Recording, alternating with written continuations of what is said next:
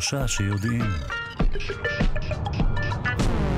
שלום לכם, הווריאנט דלתא של נגיף קורונה מידבק יותר, אבל לא קטלני יותר. כך עולה ממחקר חדש, מיד כל הפרטים. שוב, שלום לכם. אנחנו שלושה שיודעים בכאן תרבות. אנחנו תוכנית המדע והידע של ישראל. אני דודו ארז, ואנחנו עם כל המחקרים, כל הפיתוחים המדעיים והטכנולוגיים, וכל מה שבאמת מעניין לדעת. אנחנו משודרים בכל יום בשבע בבוקר, ובשידור חוזר בשמונה בערב במשך שעתיים. ובתוכנית היום בין היתר נעסוק בעניינים האלה.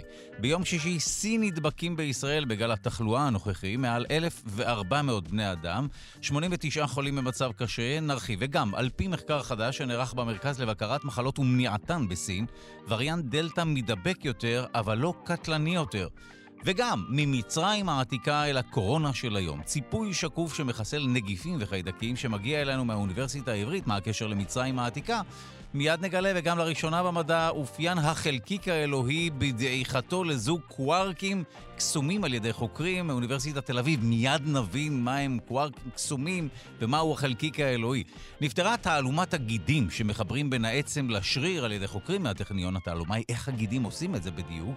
מיד הממצאים המדהימים וגם הסיכוי למצוא מידע מדעי איכותי בגוגל תלוי בשפת החיפוש. כך עולה מחקר חדש שנערך בטכניון, באיזו שפה נקבל את המידע האיכותי ביותר. מיד וגם כדי להיאבק בהתחממות הגלובלית, היער בישראל חייב להשתפר ולהיכנס לכושר. כך עולה ממחקר חדש, וגם בסוף השבוע הזה הלך לעולמו סטיבן ויינברג, פיזיקאי יהודי-אמריקאי שזכה בפרס נובל לפיזיקה ב-79 על עבודתו בנושא השילוב בין הכוח האלקטרומגנטי לבין הכוח הגרעיני החלש. העורך שלנו רז חסון, המפיקה היא אלכסנדר לויק. על הביצוע הטכני די.ג'י אלון מקלר. תודה רבה ליגאל שפירא שמלווה אותנו. אתם ואתן מוזמנים ומוזמנות להצטרף לקהילה הרשמית של שלושה שיודעים בפייסבוק. כאן שלושה שיודעים. נזכיר שאפשר להאזין לשלושה שיודעים גם כהסכת בכל זמן ובכל מקום באמצעות היישומון של כאן, גם באמצעות ספוטיפיי, אפל וגוגל. בואו נתחיל.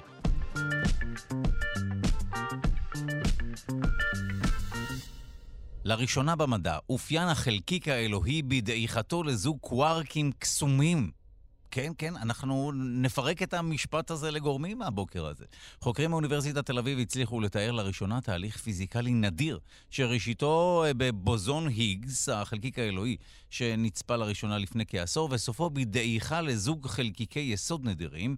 תצפיות חדשות ממאיץ החלקיקים בשוויץ סייעו לחוקרים להבין את התהליך הזה בצורה יותר בהירה. המחקר נערך בהובלת פרופסור ארז עציון, שכבר נמצא איתנו על הקו, והדוקטורנט גיא קורן, הדר כהן ודוד רייכר מבית הספר לפיזיקה ולאסטרונומיה בפקולטה למדעים מדויקים, השם אה, ריימונד ובברלי אה, סקלר באוניברסיטת תל אביב. המחקר נערך בשיתוף חוקרים ממכון ויצמן וחוקרים נוספים במאיץ החלקיקים בז'נבה. אנחנו שמחים לומר שלום לראש בית הספר לפיזיקה ואסטרונומיה באוניברסיטת תל אביב, פרופסור ארז עציון. שלום. אהלן, בוקר טוב. טוב אנחנו נרגיע מיד את המאזינים ואת המאזינות. בכל זאת, שבוע חדש, אנחנו פותחים אותו עם הידיעה הבאה, החלקיק האלוהי אופיין בדעיכתו לזוג קווארקים קסומים. בוא, קח את זה מכאן. תשמע, זה נשמע קסום. נשמע מאוד קסום, אבל זה חייב להיות גם ברור, אחרת, אחרת נפסיד מאזינים ומאזינות. אז קודם כל, בוא נתחיל עם החלקיק האלוהי. מעולה. שם קצת פנטסטי, אבל uh, קצת, uh, uh, קצת מומצא כדי, שלה, כדי להפוך את זה לנגיש, אבל uh, בסך הכל uh, זה חלקיק שלפני כ-50, כמעט 60 שנה, ניבאו אותו חוקרים בשם פיטר היגס ואנגלרד, שהוא גם יהודי בלגי שבעצם מחזיק גם במינוי של אורח באוניברסיטת תל אביב המון שנים. הם אמרו שהדרך שבה הם מסבירים שלחלקיקי יסוד, אלקטרונים, לקוורקים, שתכף נדבר עליהם, יש מסה, זה מתוך ההתקשרות שלהם עם חלקיק, והם אמרו, יש חלקיק כזה, היגס. אבל לקח יותר מ-50 שנה למצוא אותו, מרדף של אה, אה, עשרות שנים, אלפי אנשים במאיצי חלקיקים, ורק אחרי שגילינו אותו ב-2012 הבנו למה לא ראינו אותו לפני כן, כי הוא יחסית לחלקיקי יסוד מאוד אנרגטי, מאוד מסיבי, ולכן היה צריך מאיצי חלקיקים כמו ה-LHC, ולפני כן פשוט לא יכולנו לראות אותו. והוא זה שמעניק לחומר את, ה, את התכונה המאוד בסיסית עבורנו, שיש מסה לחומר? בדי, בדיוק. זאת אומרת, האמת שזה רק לחלקיקי היסוד ממש, זאת אומרת, לאלקטרונים, לחלקיקים שנקראים איונים, לטאו, האינטראקציה של החלקיקים האלה עם השדה שיוצר חלקיק ההיגס, הוא מה שאנחנו קוראים מסה. אה, זה פנטסטי. המודל היה בהתחלה כזה תיאוריה מעניינת, וכמו שאמרתי, לקח הרבה זמן באמת למדוד אותו ולגלות אותו. ב-2012 ראינו בפעם הראשונה, בעצם בשני ניסיונות במאיץ החלקיקים, את החלקיק הזה, מדדנו אותו, ידענו כבר מה המסה שלו, לפני כן לא ידענו מה המסה שלו. המסה שלו היא פי 125 כבדה מהמסה של הפרוטון. אה, אבל אה, החלקיק הזה הוא מאוד נדיר, אז גם כשמגלים אותו, אה, בעצם הוא מופיע במספר מאוד מאוד קטן של התנגשויות. ה-LHC מריץ התנגשויות בקצב מטורף. 40 מיליון פעם בשנייה יש התנגשות של אלומות של פרוטונים בתוך תעלה באורך של 26 קילומטר. אז מכונה ענקית, אבל למרות, ולמרות הקצב הענק של ההתנגשויות, רק אחד מכל כמה ביליוני התנגשויות בעצם מייצר חלקיק היגס, וגם אז קשה לראות אותו. אז לקח שנים בעצם לראות אותו, אבל זה לא מספיק, אז ראינו אותו ב-2012. אבל אה, אה, עכשיו אה, הדבר המעניין הוא להתחיל ללמוד אותו, לראות את התכונות שלו, לראות למה הוא מתפרק, לראות האם באמת הוא נותן את המסה לחלקיקי היסוד כמו שחשבנו. עכשיו, כדי אה, לראות את זה, היינו צריכים לראות אותו מתפרק לחלקיקים אחרים. אנחנו מכירים במודל הסטנדרטי של אה, הפיזיקה, אה, שהחלקיקים, אה, שהעולם כולו מורכב ממספר מאוד קטן של חלקיקי יסוד. יש חלקיקים שנקראים אלקטרונים, ויש להם עוד בני זוג קצת כבדים יותר שנקראים מיואונים וטאו, ויש חלקיקים שמרכיבים את, ה, את מרכיבי הגרעין, את הפרוטון והנויטרון, והם נקראים קוורקים. ועכשיו רצינו לראות איך הוא מתפרק לכל אחד מהחלקיקים האלה, כשהציפייה שלנו שככל שהחלקיק כבד יותר, ההיגס יתפרק אליו יותר בקלות. כלומר, יהיו יותר התפרקויות לחלקיקים כבדים מאשר לחלקיקים קלים. ומה זה אומר? זה אומר שאנחנו עכשיו אה, בהתחלה, במשך כמה שנים טובות, רואים אותו מתפרק לחלקיקים היותר כבדים, לקוורקים הכבדים, לקוורק שנקרא, אה, שנקרא, שנקרא B, לחלקיקים אחרים כבדים שנקראים W ו-Z, אבל לא ראינו אותו מתפרק לחלקיק, לקוורקים היותר קלים. ו... אז ראינו את הצימוד שלו אה, לקוורקים הכבדים, לא ראינו את הצימוד שלו לקוורקים הקלים, והמדידה הזאת היא הפעם הראשונה שאנחנו אה, רואים אותו מתפרק לקוורקים שאנחנו קוראים, אה, נקראים הקוורקים הקסומים. עכשיו, אה, אה, אני אקדים, אה, רגע לפני שתמשיך, אנחנו מדברים פה על תהליכים שקורים באמת במיצי חלקיקים, והחלקיקים האלה מופיעים לשברירי שניות ונעלמים, נכון? אמת. אמת, הם מופיעים לשוברי שניות ומיד נעלמים. אז למה הם נעלמים? זאת אומרת, אם הם אלה שמעניקים איזושהי תכונה לחומר, או שהם ממש מהווים חלק מחלקיקים יסודיים, אז למה הם נעלמים? לאן הם נעלמים? מה קורה איתם?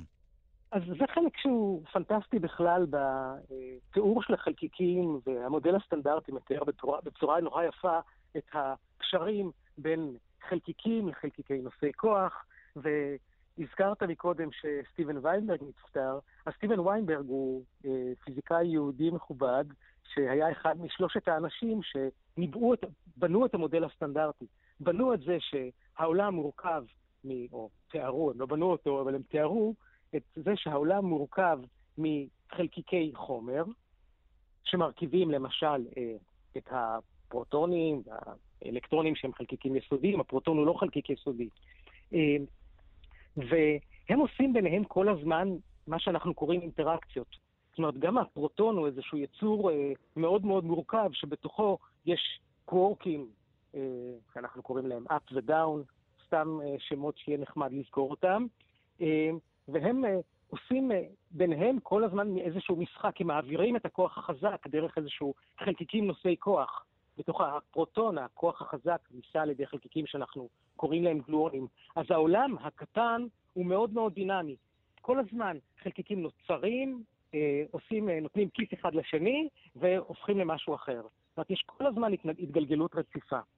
ההיגס הוא חלקיק מאוד מיוחד כי הוא משרה איזשהו שדה, והשדה של ההיגס האינטראקציה עם השדה של ההיגס, גם כשהוא נעלם, השדה של ההיגס נשאר, mm. והקשר בין ההיגס לבין חלקיקי היסוד הוא מה שאנחנו קוראים מסה. זה דומה נגיד למטען חשמלי, ששדה חשמלי אה, נותן את ה... אה, זאת אומרת, כשחלקיק טעון נמצא בתוך השדה חשמלי, פועל עליו כוח חשמלי. באותה מידה, כשחלקיק נמצא בשדה ההיגס, פועל עליו איזשהו משהו שמקנה לו, נאמר, את המסה. אז זה הסיפור של המסה.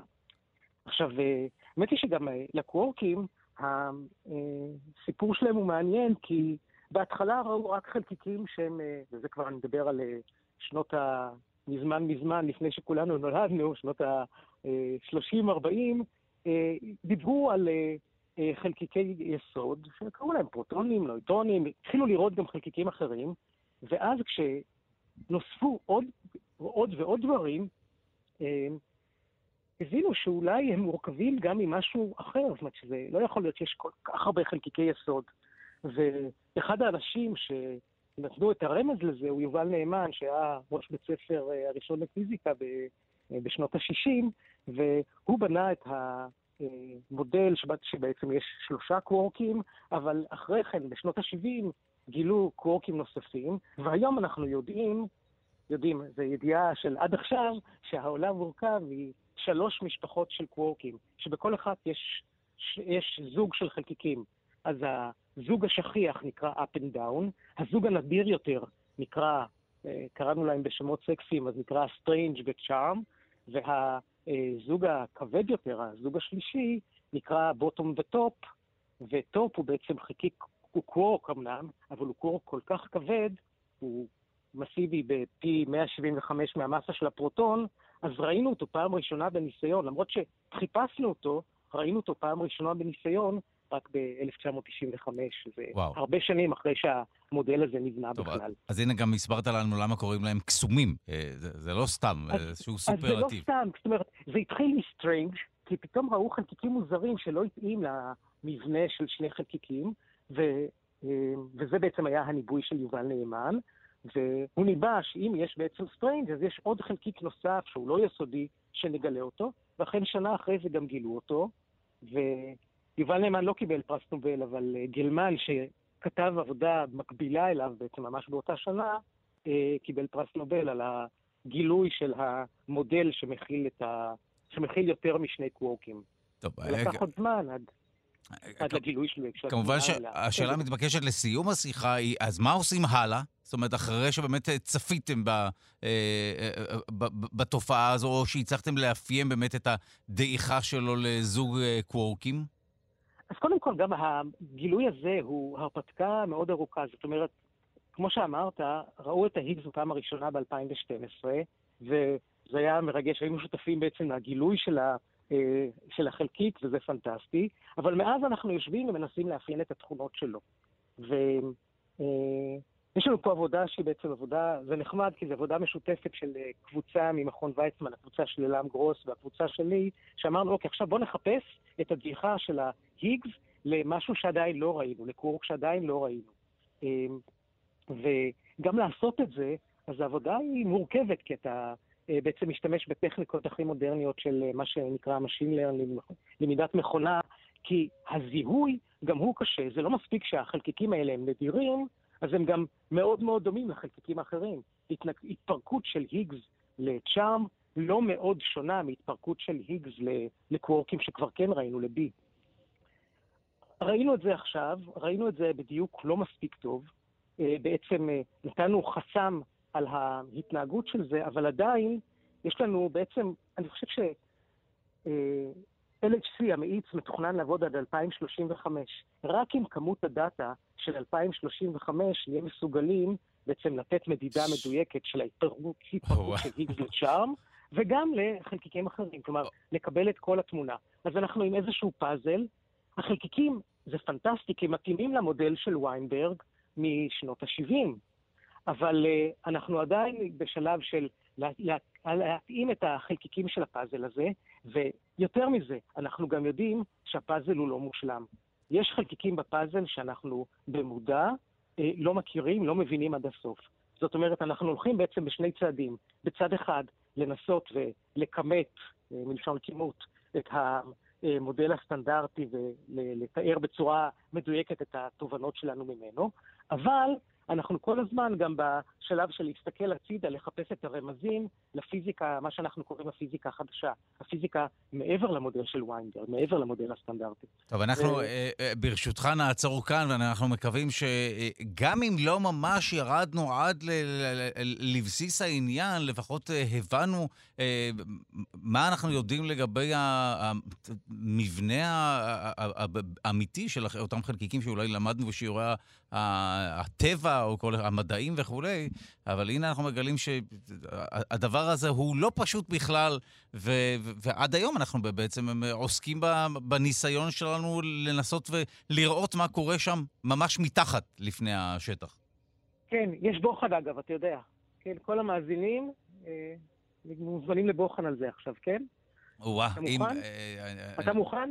תשמע, אני, אני מוכן לנסות אה, ולהתמודד, או כמו שנהוג לומר, אני מוכן לנסות כמובן, אבל okay, אוקיי, לגב, לגבי הציון אני, אין, אין ערובה. תודה. ש, זה מה שאנחנו עושים, אנחנו מנסים כל הזמן. okay. ביי, בוקר תודה, טוב. תודה לך, פרופ' ארז עציון, ראש בית הספר לפיזיקה ואסטרונומיה, אוניברסיטת תל אביב. ביי.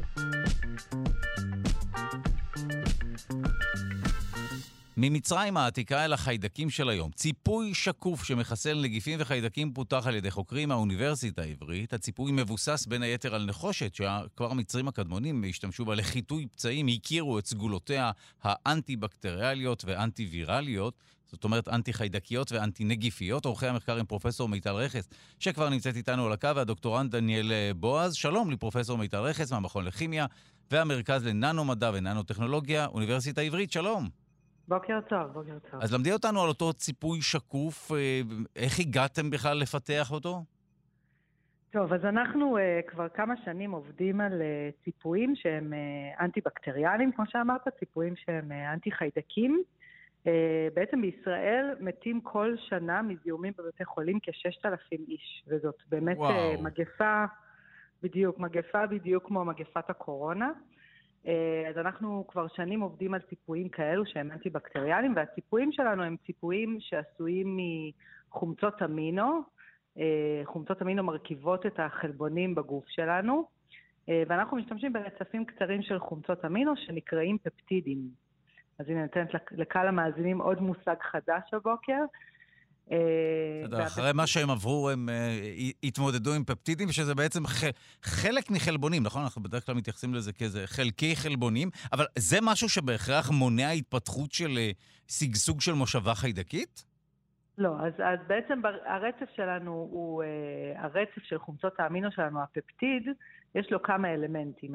אלמנט אחד מאפשר לו להיצמד למשטח, שזה אלמנט שלקחנו בהשראת אה, צדפות, זו חומצה אמינית מיוחדת שקוראים לה דופה. אה, ועוד אלמנט אחר מאפשר מה שנקרא יצירה ספונטנית של הציפוי על המשטח. ואלמנט נוסף זה אלמנט, המת... אלמנט קושר המתכת, שזה רצף של חומצות אמינו שקושר נחושת במקרה שלנו. וכמו שאמרת, הנחושת ידועה כבר מימי המצרים הקדמונים כחומר שהוא אה, הורג חיידקים והורג חומר אנטי מחלות נקרא לזה, אה, ואנחנו השתמשנו באלמנט הזה אה, כדי לשלב אותו בחומר שלנו. אז יש לנו ציפוי שנוצר באופן ספונטני, קושר, מתכת, קושר ומשחרר מתכת נחושת, וכך הורג חיידקים ונגיפים. זה, זה, אז כשהתחלנו את זה, אז בעצם עבדנו על, על איזשהו רצף שמונע בכלל התעמדות של חיידקים למשטח, ובשנה האחרונה, בהשראת הקורונה, אה, חשבנו שמאחר והמשטח שלנו מונע היצמדות של אה, אה, חיידקים, אנחנו נוכל גם למנוע היצמדות של וירוסים למשטח. ושילבנו עוד אלמנטים שבעצם גורמים להרג של הווירוסים. ובסופו של דבר, השאיפה היא, או הכוונה היא, שבאמת נצפה קירות שלמים בבתי חולים עם החומר הזה? נכון, אה, ודרך אגב, יש, יש כבר היום שילוב של נחושת בסדינים ובכל מיני ציפויים. היתרון של הציפוי שלנו זה שהוא נוצר באופן ספונטני, זאת אומרת ללא השקעה של איזושהי אנרגיה, כל מה שצריך זה לרסס את זה אה, על הקיר או על איזשהו משטח, ויתרון בולט נוסף זה שהוא שקוף. אז גם אפשר לרסס אותו על חלונות או על כל המחיצות שאנחנו מכירים היום בסופרים או בכל מקום שיש קבלת קהל, והוא לא פוגע בשקיפות של המשטח. נראה שמתישהו הדברים האלה יהיו חלק מהחיים שלנו, מאוד בקרוב כנראה. אז יש כמה חסמים. חסם אחד זה שמה שפיתחנו זה מולקולות חדשות, ואז צריך להעביר אותם תהליכי רגולציה. אז זה חסם אחד. כל, כל, תמיד כשמדברים על מולקולה חדשה צריך לראות שהיא בטוחה לשימוש, שאפשר, יכולה להיות במגע עם אדם, בדיוק כמו שעושים היום לחיסונים, אז צריך לעשות רגולציה גם בהקשר הזה.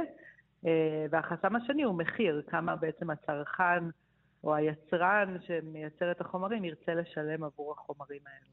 וואו, עכשיו, אם נשוב באמת לעניין הנחושת, כמובן שמה שבין היתר גרם לידיעה הזו לבלוט היא הקשר בין אה, נחושת לתכונות האנטי-בקטריאליות או האנטי-ויראליות, וגם למצרים העתיקה. מה יש באותה מתכת שאיכשהו מפרק את החיידקים ולא נותן להם לשגשג?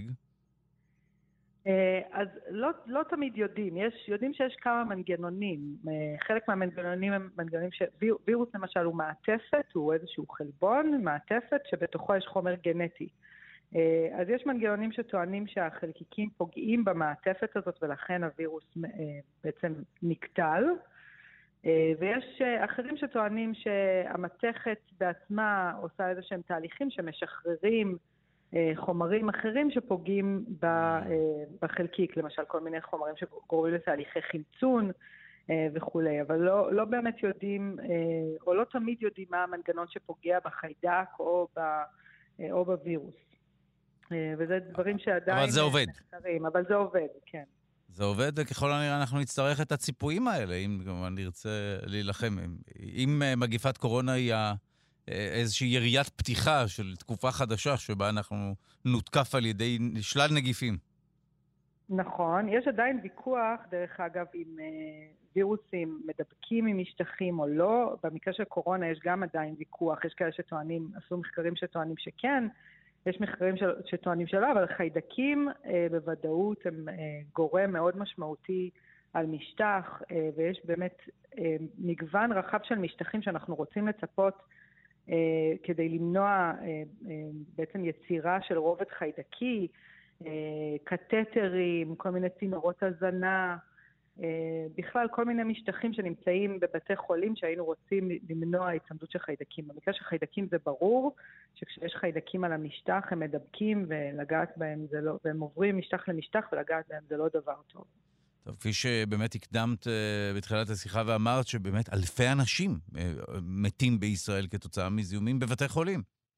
אלפים, נכון, באמת אלפים. נכון, ו- ותמיד יש את ה... Uh, יש באמת את העניין הזה של לא רוצים להיכנס לבית חולים, נכון? הרבה פעמים אנשים אומרים, אני לא רוצה להגיע לבית חולים כי אתה יוצא יותר חולה ממה שנכנסת, אז אני לא אגיד שזה כך, כן? בתי חולים זה דבר טוב, אבל באמת בבתי חולים יש אוכלוסיות של חיידקים שהן עמידות לאנטיביוטיקה, בעצם זה חיידקים שנצמדים למשטח, ואז יוצרים מעין רשת חברתית עם חיידקים אחרים, זה נקרא ביופילם, והביופילם הזה מקנה לחיידקים עמידות אה, לאנטיביוטיקה, ולכן אם אנחנו נמנע את ה, בכלל את ההצמדות הראשונית הזאת של חיידקים למשטח, אז אנחנו נתגבר על העמידות הזאת, אה, נתגבר על יצירת הביופילם. אה, אז כן, חיידקים זה אתגר בפני עצמו, וגם אנטיביוטיקות, היום יש אנטיביוטיקות שהן לא פעילות כנגד זנים מסוימים של חיידקים, אז גם, גם זה משהו שהוא אתגר שצריך להתמודד איתו, אה, בנוסף לווירוסים שאנחנו מכירים היום.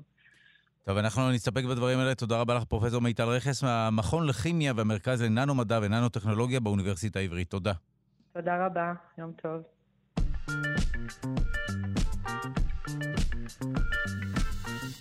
האיש מטולון, כך אה, קוראים לגופת אדם כבול שחי במאה הרביעית לפני הספירה ונמצאה בדנמרק. האיש הזה ממשיך אה, לספק כותרות, מתברר, והפעם הרכב הארוחה האחרונה שלו שעשוי להעיד, שימו לב, על כך שהוא הוקרב כקורבן. על פי המחקר, הוא אכל דייסה שהכילה בין השאר אה, שעורה ופשתן וגם דג. הדייסה בושלה בכלי חרס וכנראה נשרפה מעט. כמו כן, אותרו חלבוני תולעי מעיים, מה שמעיד על טפילים, ובשורה התחתונה, שוב נחזור, הטענה של החוקרים היא שהרכב הארוחה יכול לחזק את הסברה שמדובר באדם שהוקרב כקורבן, מיד נבין איך הדברים פורסמו ב... אנטיקוויטי. אנחנו שמחים לומר שלום לדוקטור אלון ברש, מומחה לאנטומיה ואבולוציה של האדם מהפקולטה לרפואה על שם עזריאלי, אוניברסיטת בר אילן. שלום. שלום, שלום, בוקר טוב. אה, מה יש באיש הזה?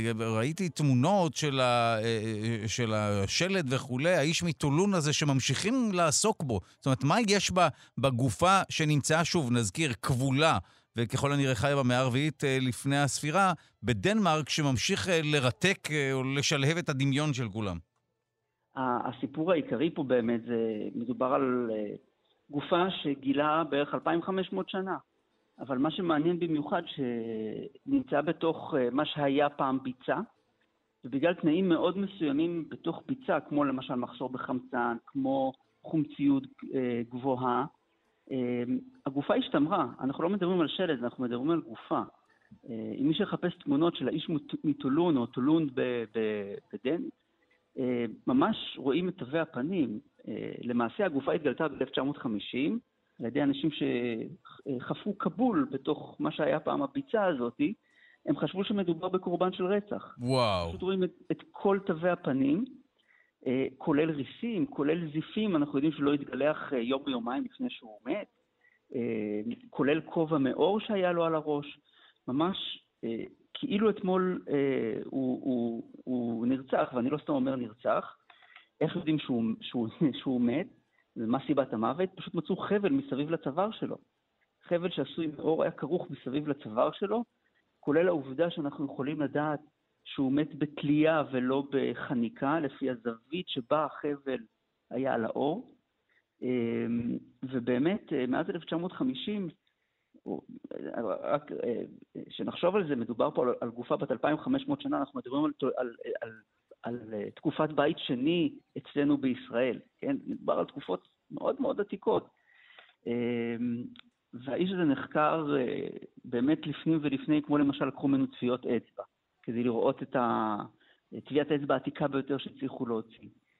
אמ, ובאמת, אחד הדברים שעושים זה בדקו את תכולת הקיבה ותכולת המעיים שלו, שוב, כמו שעושים בכל מקרה של רצח. אמ, ובאמת הסיפור עכשיו זה שהצליחו בצורה מדויקת יותר לדעת מה הוא אכל. כמו שאמרת, באמת הוא אכל בעיקר אה, דייסה כזאת של אה, שעורה ופשטן, אבל בפעם הראשונה גם כן ראו שהוא אכל אה, למשל דגים. איך יודעים שהוא אכל דגים למשל ולא דברים אחרים? עושים אנליזה מאוד מאוד מיוחדת של, של בעצם איזה חלבונים מצאו בתוך האוכל שלו. בתוך הקיבה שלו ובתוך המעיים שלו, איזה חלבונים הוא אכל. אפשר ככה לדעת אם, אם היו חלבונים שמקורם צמחי, בשרי, במקרה הזה התברר שמקור החלבונים הוא מדגים. אה, ובאמת, אנחנו מסתכלים על הארוחה האחרונה של אותו בן אדם, ואנחנו יודעים אפילו, לפי המיקום שלה בתוך צינור העיכול, שהוא אכל את זה משהו כמו 12 עד 24 שעות לפני המוות. כי באמת, פתחנו פה חלון באמת באמת מדהים לחיים של האנשים לפני 2,500 שנה. באמת אה, מאוד מאוד מעניין. ואיך יודעים ש... או, או מדוע הטענה היא שהרכב הארוחה הוא זה שמעיד על כך שמדובר באדם שהוקרב כקורבן? אז אה, חלק מהדברים שאנחנו מוצאים, וחלק מהתכולה של הארוחה, אלה לא דברים רגילים שאנחנו חושדים שאכלו אז. אז רעים למשל, השימוש בהם בתקופה שבה הוא, אה, בתקופה שאותו בן אדם מת, לא היה מאוד מאוד נפוץ. העובדה ש, שהוא לא אכל את זה שעה לפני המוות, אלא זמן ארוך, בערך 12 או 24 שעות לפני המוות, וכמובן החבל מסביב לצוואר, כל אלה, אנחנו יודעים שהקריבו אותו. האם הארוחה הזאת הייתה ארוחה מיוחדת באמת לחלוטין? אנחנו חושדים, אבל אנחנו לא בטוחים. דבר אחר שמעניין זה ההיגיינה שלו. העובדה שמצאנו את הפילים אה, בתוך המעיים שלו, יכול ללמד אותנו המון על ההיגיינה של אנשים בתקופה הזאת, על איך אכלו, מה אכלו, כמה, כמה זמן בישלו את האוכל, ככל הנראה לא בישלו מספיק, אז לא הרגו את כל הטפילים. אה, באמת, חלון, אה, חלון קטן, פתחנו צוהר קטן לתוך העולם של אנשים שחיו לפני 2,500 שנה. אין לנו הרבה דוגמאות כאלה, זה מאוד וואו. מאוד נדיר. אה, אני ממליץ למאזינות ולמאזינים לראות תמונה, אתה צודק שזה הרבה מעבר לשלד באמת, זה ממש, זה קצת נראה כמו פסל, זה נראה כמו משהו אומנותי ברמת הפרטים וכולי. אה, לחלוטין, לחלוטין. אין, אין הרבה דוגמאות כאלה. כן, אין הרבה דוגמאות כאלה.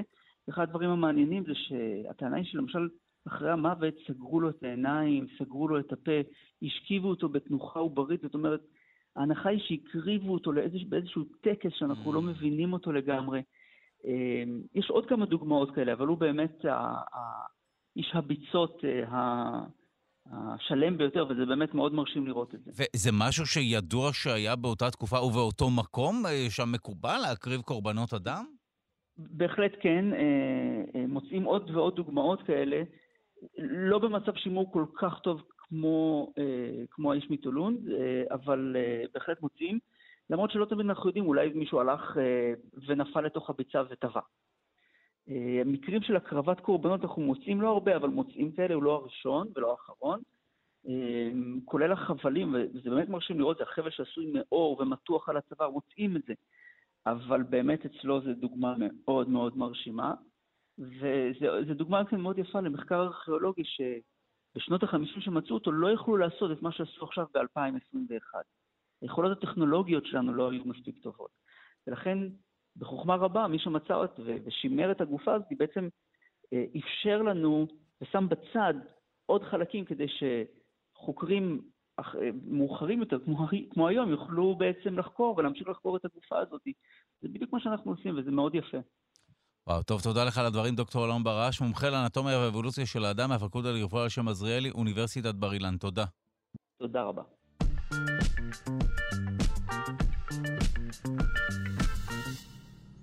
סודם של הגידים. לגידים, שרירים ועצמות אה, תכונות מכניות שונות מאוד, ולכן לא היה ברור לחוקרים איך הם מתחברים זה לזה, באופן שמאפשר להם לעמוד בעומסים גדולים בזמן קיבוץ השרירים, וכאן נכנס לתמונה המחקר החדש שנערך בטכניון, בו נבחן החיבור בין הגיד לשריר, ממשק גיד שריר, כך זה נקרא. את המחקר שהתפרסם אגב ב-Nature Communications הובילו פרופסור פלג חסון, שכבר נמצא איתנו על הקו, והדוקטורנטית וסל יאסין בדרנה מהפקולטה לרפואה על שם רפפורט. אנחנו שמחים לומר שלום לפרופסור פלג חסון חוקר במחלקה לגנטיקה וביולוגיה התפתחותית בפקולטה לרפואה בטכניון. שלום. שלום רב. אז בוא תסביר לנו במילותיך, אני משער שהן תהיינה ברורות יותר ממילותיי, שכן אני כמובן ניזון מה, מהתחקיר שקראתי, מהו הסוד של הגידים? מה הבעיה שניסיתם לפתור, או התעלומה שניסיתם לפצח, ומה בסופו של דבר מצאתם? אוקיי, okay. אז בעצם העובר שלנו מורכב מרקמות שונות, שהרקמות האלה הן אלה שבונות את המערכות שיש לנו בגוף. למשל, מערכת השריר שלד. מערכת השריר שלד אה, היא בנויה, מ, כמו שאמרת, גידים, אבל גם שרירים ועצמות. המקור העוברי שנותן את הרקמות השונות הוא מקור עוברי שונה. זאת אומרת, תאים שנמצאים באזור אחד נודדים וצריכים לבנות את הרקמות האלו, באיזשהו שלב הם נקשרים, ואז מתחילים ליצור את המערכת הזאת, את מערכת השריר שלד. הבעיה היא שלרקמות השונות ולתאים השונים יש תכונות שונות. בואו ננסה לחשוב אם אנחנו רוצים למשל להדביק אה, בבית, אנחנו רוצים להדביק אה, עץ, לוח עץ עם לוח מתכת, זה לא מסתדר הכי טוב. אבל השריר והגיד הם בדיוק דבר דומה. זאת אומרת, אחד זה נניח יהיה העץ והשני זה המתכת, ואתה צריך להדביק אותם שזה יעמוד בעומסים חזקים, כי אנחנו רצים, קופצים, הולכים, זה עומס די אה, אה, רציני שצריך לעמוד על אותה צומת, על אותה נקודת הדבקה. וזה באמת היה לא ברור. איך תאים שונים מ, אה, מ, שיש להם תכונות מסוימות, עוברים אינטראקציה או נקשרים אחד לשני, ויוצרים לנו את הצומת הזאת שצריכה לעמוד כל החיים שלנו בעומסים שונים. כפי שנתת בדוגמה הזו, אנחנו, כמובן שהדבר הזה יכול לגרום להרבה מאוד אה, בעיות. יכול, יכול להיות שנקודת החיבור היא נקודת התורפה שם, ולשמחתנו זה לא כך.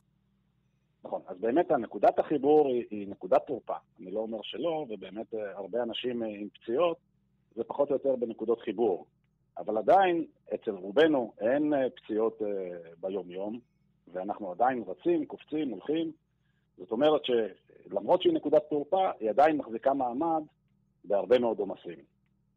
אה, ובעצם אנחנו אה, שאלנו את השאלה, איך זה שנקודת חיבור כזאת, שהיית אומר בין רקמה עם תכונות מסוימות ורקמה עם תכונות אחרות, איך הן עוברות אינטראקציה? אז שוב אנחנו מדברים על גידים שמחברים בין שרירים לבין עצמות, ולכל אחת מהרקמות השונות הללו יש תכונות מכניות שונות באמת, ואנחנו באמת לא מבינים. השאלה שעולה באמת היא איך הדבר הזה בכלל מתחבר ולא הופך להיות באמת אה, רצף של נקודות תורפה. נכון. אז אנחנו הסתכלנו רק על הממשק בין הגיד לשריר, ובעצם אה, יש היום שיטות אה, גנטיות או שמאפשרות לנו להסתכל על תאים בודדים. ומצאנו תאים שמבטאים גם אה, גנים של שרירים, אבל גם גנים של גידים. ו... ו... שזה די הפתיע אותנו, כי בעצם השריר, המקור העוברי שלו הוא מקור מסוים, הגידים, המקור העוברי שלהם הוא מקור אחר, ועד עכשיו הייתה חלוקה מאוד מאוד ברורה, אלה ייתנו את השרירים, אלה ייתנו את הגידים. אבל מצאנו תאים שהם תאי ביניים, שהם יודעים לבטא גם את התוכנית הגידית, אבל גם את התוכנית השרירית. מה זה אומר יכולים גם וגם? זאת אומרת, אז מה קובע בסופו של דבר למה הם יהפכו? זה אנחנו עדיין לא יודעים, אבל בשלב הראשון הם מבטאים את שתי התוכניות. אה, וואו. והם נמצאים בקצה, בקצה של השרירים, בדיוק בין הגיד לשריר. זאת אומרת, אלה תאים היברידיים, כפי שגם מופיע בתחקיר, הם תאים משולבים שהם הם, הם קצת שריר וקצת גיד? בדיוק, בדיוק. וואו. נכנסים בעצם לתוך קצות השרירים, השרירים שלנו הרי זה סיבים. אנחנו, אה, אתם בטח, מי שראה רואה אה, סיבי שריר, זה, זה סיבים ארוכים שמורכבים מהרבה מאוד גרעינים. אז הם נכנסים לתוך הסיבים האלו, אבל הם נכנסים בקצה, כי שם זה המקום שלהם, ושם הם יודעים להיכנס. הם נכנסים לקצות הסיבים, ואז בעצם מה, ש, מה שמצאנו זה שהם הופכים את קצה השריר שהוא יהיה עם קצת תכונות של גידים. זאת אומרת, ברגע שהוא, הוא, שהם נמצאים שם, אז בעצם קצה השריר הוא יותר דומה לגיד מאשר אה, אה, סתם לקצה שריר, או מה שחשבו קודם.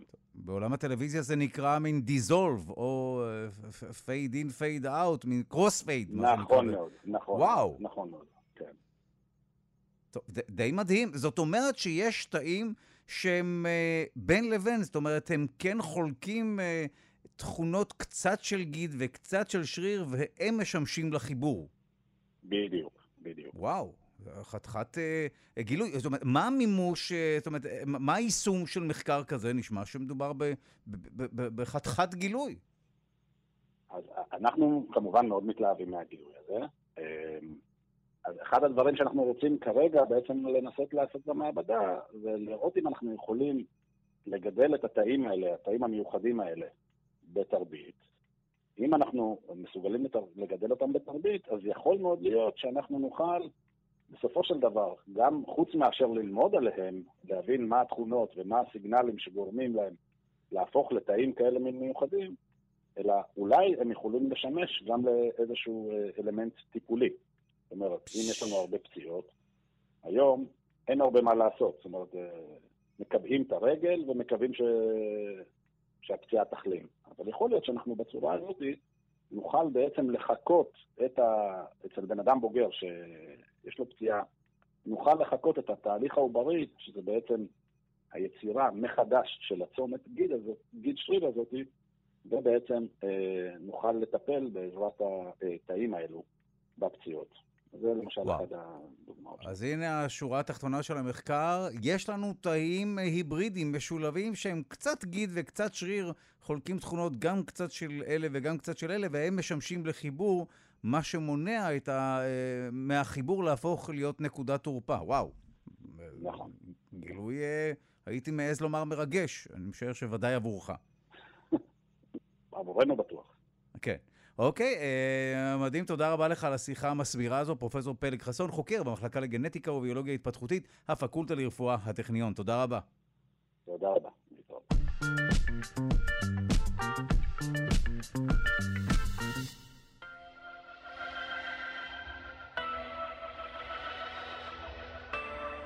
ובמסגרת פינת החדשנות ברפואה נעסוק במהפכת החיישנים. שלום לדוקטור מיכל חמולוטם, מומחית לחדשנות ברפואה, שלום. שלום, שבוע טוב. חיישן לכל דבר, בכל גודל ועל כל איבר בגוף. בערך. אז באמת עכשיו יצאה עוד חברה עם מודע לתקשורת שהם פיתחו סנסור שעובד על אישה פוטואלקטרית, שבעצם יכול לקרוא בצורה, בסופו של דבר, לא חודרנית, אלא לצורך העניין מפרק שורש כף היד, גם את רמות החמצן, אבל גם דברים כמו טמפרטורה, לחץ דם, אלכוהול, שזה חדש, סוכר, שכבר היה לנו באמת רמת היובש או ההידרציה בגוף, יש פה ממש, הם קוראים לזה קליניקה על, ה, על מפרק שורש כף היד. כי באמת ריבוי של פרמטרים שנמדדים 24/7 בצורה לא חודרנית, זה דבר חדש. הם עכשיו מתחילים להפיץ את זה בצורה עצמאית, עוד לא התחברו לחבר... לשעון חכם, אבל לצורך העניין תחשוב שאנחנו רואים את הדבר הזה מתיישם, אז הם אומרים שהרבה מאוד תובנות גם לאנשים בריאים, או פרה-סכרתיים, או אדם שרוצה לצאת ותוהה אם הוא צריך לקחת נהג, לנסוע עם נהג דזיגנייטד, כי הוא שתה או לא שתה, יש פה הרבה מאוד יישומים. אז אנחנו רואים מצד אחד את המהפכה הזאת של הסנסורים, שגם הולכים ומתמזערים, ואז אנחנו, וגם מפתחים עוד ועוד יכולות על אותו סנסור, שבאמת לראות עוד ועוד פרמטרים קליניים, ומצד שני אנחנו רואים את השימושים שלהם גם על שעונים חכמים, אבל גם התחלה של חשיבה על שימוש דרך שבבים שממש מוזרקים פנימה, או כל מיני טאטואים על האור. אז יש פה באמת חיבור של כל מיני תחומים שהם מתחברים ביחד, והשאלה באמת איך, איך תראה איך תראה הבריאות ואיך תראה הרפואה בעולם כזה שאנשים ילכו וימדדו את עצמם 24/7, לא על, רק על פרמטר אחד או על שלושה פרמטרים, אלא על יותר ויותר פרמטרים. מה, מה נראה? זו שאלה טובה, כי כפי שאנחנו רגילים, ברכב שלנו יש נורות אזהרה וכולי, אז סוף סוף אנחנו לא נהיה מופתעים כשפתאום... הלב יפסיק לעבוד, או uh, כל מיני תופעות uh, קיצוניות תקרנה, אלא אנחנו נהיה מודעים. נשמע לי הדבר הנכון שיקרה. זה מאוד מעניין האנלוגיה שנתת לרכב, אני באמת, אתה יודע, זו אנלוגיה נהדרת. כי אני מוכרח לומר לך שכמי ש... כש... כשאתה מאושפז בבית חולים ואתה מחובר למכונות וכולי, ואז מסירים ממך את כל החיבורים האלה, אתה פתאום מרגיש עירום. אתה מרגיש כאילו אתה כבר לא מנוטר, ואז אתה פתאום קצת מתגעגע לא... לאותו מצב שבו אתה יודע בדיוק מה קורה בפנים. לגמרי. דרך אגב, זה באמת יושב על מגמה של... מדידה עצמית quantify self, שיותר ויותר אנשים, כמובן יותר ויותר צעירים, מאוד נהנים למדוד את עצמם 24/7. עכשיו, זה באמת, אני חושבת, הנקודה הכי חשובה, והדוגמה שלך היא באמת מעולה, אני ברשותך אשתמש בה. השאלה היא איך הופכים את כל הכמויות דאטה האלה ל-actionable data, לתובנות ישימות שאפשר לעשות איתן דברים אופרטיביים. ולכן הדוגמה בעיניי כל כך טובה, כי בסופו של דבר, אף אחד לא רוצה לקבל התראה, התקף לב בהתרחשות. אבל כן אנשים רוצים לקבל מידע שאומר, אוקיי, הסיכון שלך בחמש שנים הקרובות לפתח סכרת עלה משמעותית, אנא היוועץ ברופא. ואז אוקיי, אני יודע עכשיו מה לעשות, אני, חוש... אני נועצתי ברופא שלי, ועכשיו אני הולך לעשות שינוי תזונה, להגביר את הפעילות הגופנית, לקחת מטפורמין, וככה אני אמנע את, ה, את הסיכון שלי לסכרת, או אני אצמצם אותו בחזרה. אותו דבר על כל דבר אחר, כן? הסיכוי שלך אה, לפתח את הרשת עורקים אה, עלה, אנא וכך וכך. זאת אומרת, ברגע שהיכולת שה, פה ת, תוכל לתת לאנשים אה, אה, דברים אופרטיביים, שהם יכולים לנהל את הבריאות שלהם, אה, או אפילו, אתה יודע, בשבועיים הקרובים אתה עלול לקבל התקף לב. אז חס וחלילה, אבל עדיף לדעת את זה, עדיף לעשות דברים, מאשר באמת, כמו שהיום, שאנחנו לא יודעים שום דבר.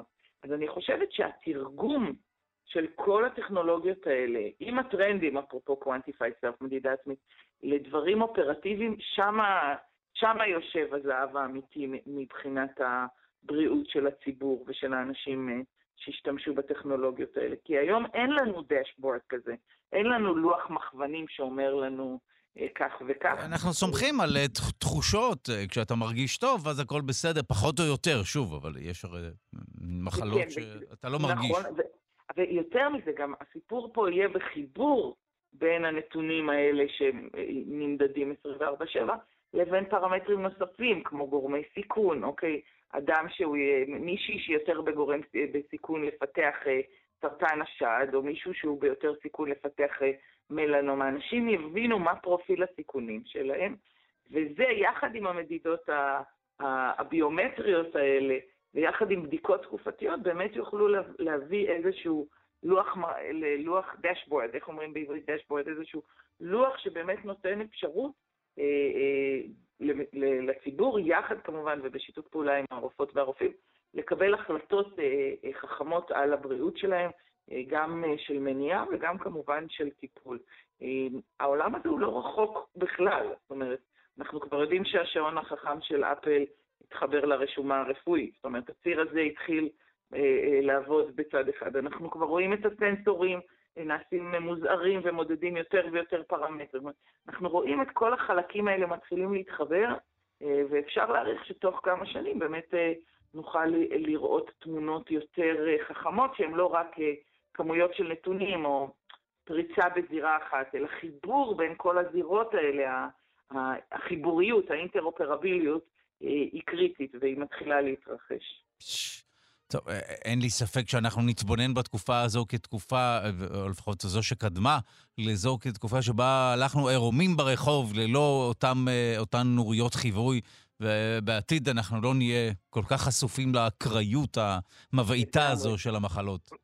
ואני כן אגיד עוד דבר, כי לקראת הפינה הזאת אז חיפשתי חברות שבתחום שלראות מה הם התקדמו, אז מעניין שחלקן אה, התחילו לפתח יישומים מיידיים לנושא הקורונה, כולל אה, בדיקות לא חודרניות של קורונה מיידיות. זאת אומרת, יש פה שימושים אה, גם אבחוניים, אפרופו בדיקת קורונה, גם של מניעה וגם בעתיד נראה, אני מניחה, גם של monitoring של תגובה לטיפול, כן? בן אדם מתחיל לקחת תרופה, עכשיו אנחנו רואים 24/7 נגיד את התגובה של ה... סוכר לתרופה שהוא לוקח אם הוא אה, רוצה וואו. לראות אה, ירידה. אומרת, יש פה את כל הרצף ממניעה, דרך אבחון, דרך אה, ניטור של הטיפול, וזה, וזה ממש מעניין גם להביט על הזווית הזאת. טוב, תודה לך על הדברים. דוקטור מיכל חמו לוטם, מומחית לחדשנות ברפואה. תודה. תודה, תודה.